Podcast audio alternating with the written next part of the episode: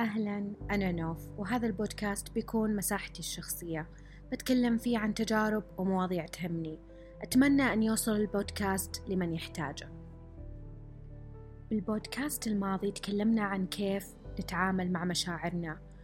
وذكرت كتاب السماح بالرحيل وللأمانة وصلتني فيدباك وناس حابة تعرف عن الكتاب أكثر عشان كذا بخصص هذا البودكاست للكتاب.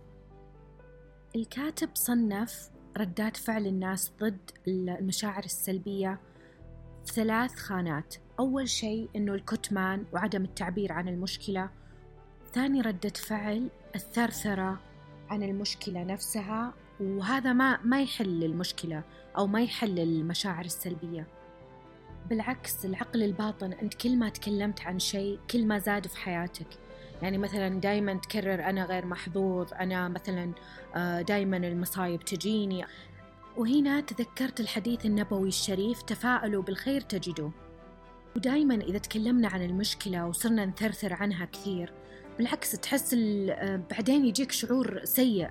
يعني خصوصا لما يعني تصهب في في التعبير وردات فعلك تصير عكس بدال ما تسمح إنه الشعور يمشي تصير تحكم عليه وتصنفه بتصنيفات ويجيك شعور سيء بعد التعبير بهذه الطريقة الغلط. وآخر ردة فعل ذكرها الكاتب اللي هي الهروب أنه ما تسمح للشعور ولا تحاول أنك تعيشه وبس تهرب منه وتنشغل عنه يا بالشغل يا بمشاغل الحياة بشكل عام. للي قرأ الكتاب بيعرف مدى صعوبة أني أختصر الكلام في وقت قصير. بس بحاول جهدي أني أختصره وأخذ أهم المعلومات. وإذا أنتم حابين مراجعات ترى موجود في اليوتيوب. وأنصح بشدة أنكم تشوفون مراجعات ناس أكثر يعني متكلمين بتفاصيل أكثر. الكاتب آه، حط مقياس للمشاعر يبدأ بالأسفل شيء اللي عند السلم سلم المشاعر اللي هو الشعور بالعار بعدها يجينا الشعور بالذنب بعدها يجينا الشعور بعدم المبالاة بعدها الحزن وبعد الحزن يجيك الخوف. اللي ذكرتها الآن هي أسفل المشاعر وتسمى بالمشاعر السلبية. يجي بعدها المشاعر الانتقالية. بالكتاب تصنيف المشاعر الانتقالية لا هي سلبية ولا إيجابية وتعتبر ردات فعل. بعد الخوف تجينا الرغبة يتبعها الغضب يتبعها الافتخار أو الكبرياء وبعدها الشجاعة وآخر شيء المحايدة.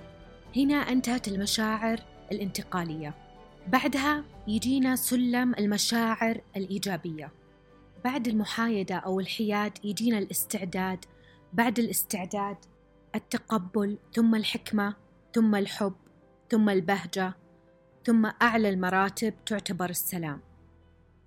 طب وش الفايدة أن نعرف هذه التصنيفات أو نعرف هذه المشاعر والسلم نفسه؟ تتذكرون في البودكاست اللي قبل إحنا وش أول هدف عندنا؟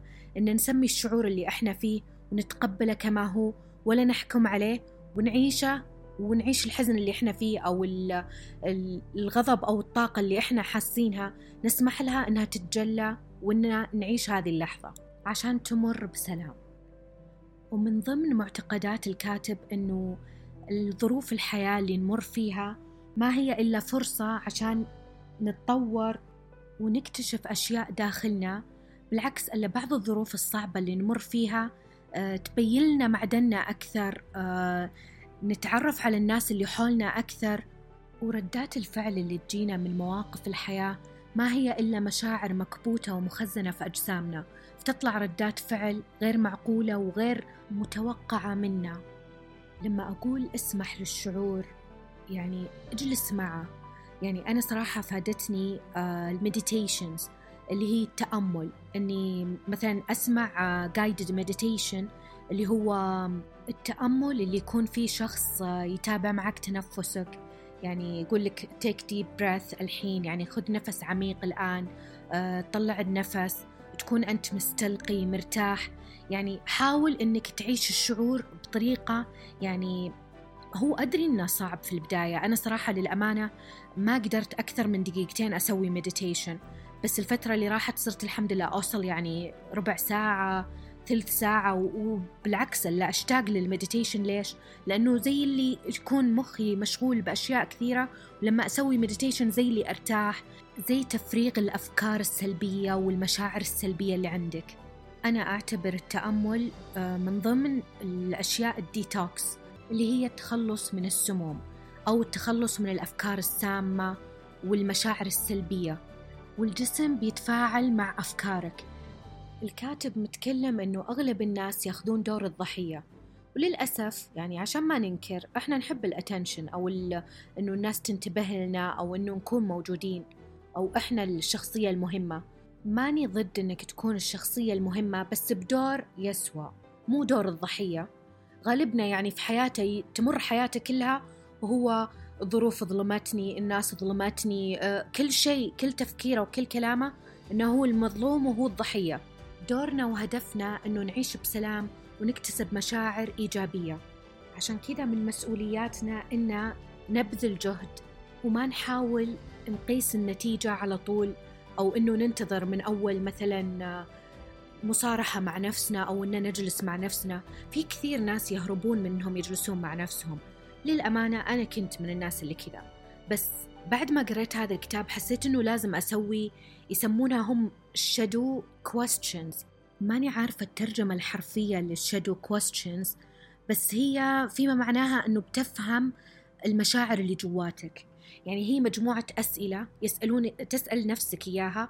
من إجاباتك بتعرف أنت وش الإحساس اللي جواتك. أنا بشارك بعض الأسئلة اللي فادتني يعني إني أصنف الشعور اللي أنا فيه أو أحدد إيش اللي أنا حاسة.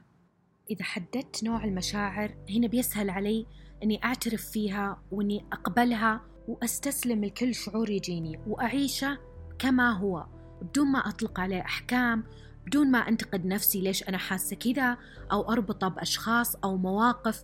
أعيش الشعور كما هو. حسيت بكآبة أعيش الكآبة كما هي. حسيت بخوف أواجه الشعور وأعيشه وأستشعر فيه عشان هذه المشاعر تقل بعدين. يعني ما راح أنتظر مواقف تثير هذه المشاعر المكبوتة جواتي. أنا بصير أفرغها كل فترة. طبعا في كلام كثير وفي أمثلة كثير. بلخص العنوان اللي هو السماح بالرحيل في ثلاث نقاط. أول شيء السماح للشعور كما هو بدون هرب بدون كبت بدون قمع أو تفسير. ليش جاني هذا الشعور؟ ليش صار معي كذا؟ لا أقاومها وأعيشها كما هي وأستسلم لكل شعور يجيني ثاني نقطة اللي هي أختلي بنفسي لازم أحدد وقت من اليوم أو يوم في الأسبوع أو يوم في الشهر. أهم شيء أشوف الشيء اللي يناسبني وأحاول أفرغ الطاقة اللي عندي. أنا أفضل صراحة أنه كل يوم قبل النوم تصير تسوي تأمل يعني تجلس مع نفسك تشوف إيش الشعور اللي مسيطر عليك اليوم. حاس إنك ثقيل حاس إنك كئيب حاس إنه تحاول تعيش الشعور هذا وتخليه يمر. أهم شيء عندي الوقت اللي تختلي فيه بنفسك يكون بدون مقاطعات ويكون في مكان هادي وتقدر تواجه المشاعر اللي جواتك. أهم شيء تحدد نوع المشاعر وتعترف فيها كما هي. النقطة اللي بعدها اللي هي عيش المشاعر ولا تربطها بأي موقف أو أي أشخاص. بالنهاية حابة أشكركم على دعمكم. وكلماتكم الطيبة. شاركوني آراءكم مقترحاتكم. على حساباتي في السوشيال ميديا NOF BOD دمتم بسعادة. في أمان الله.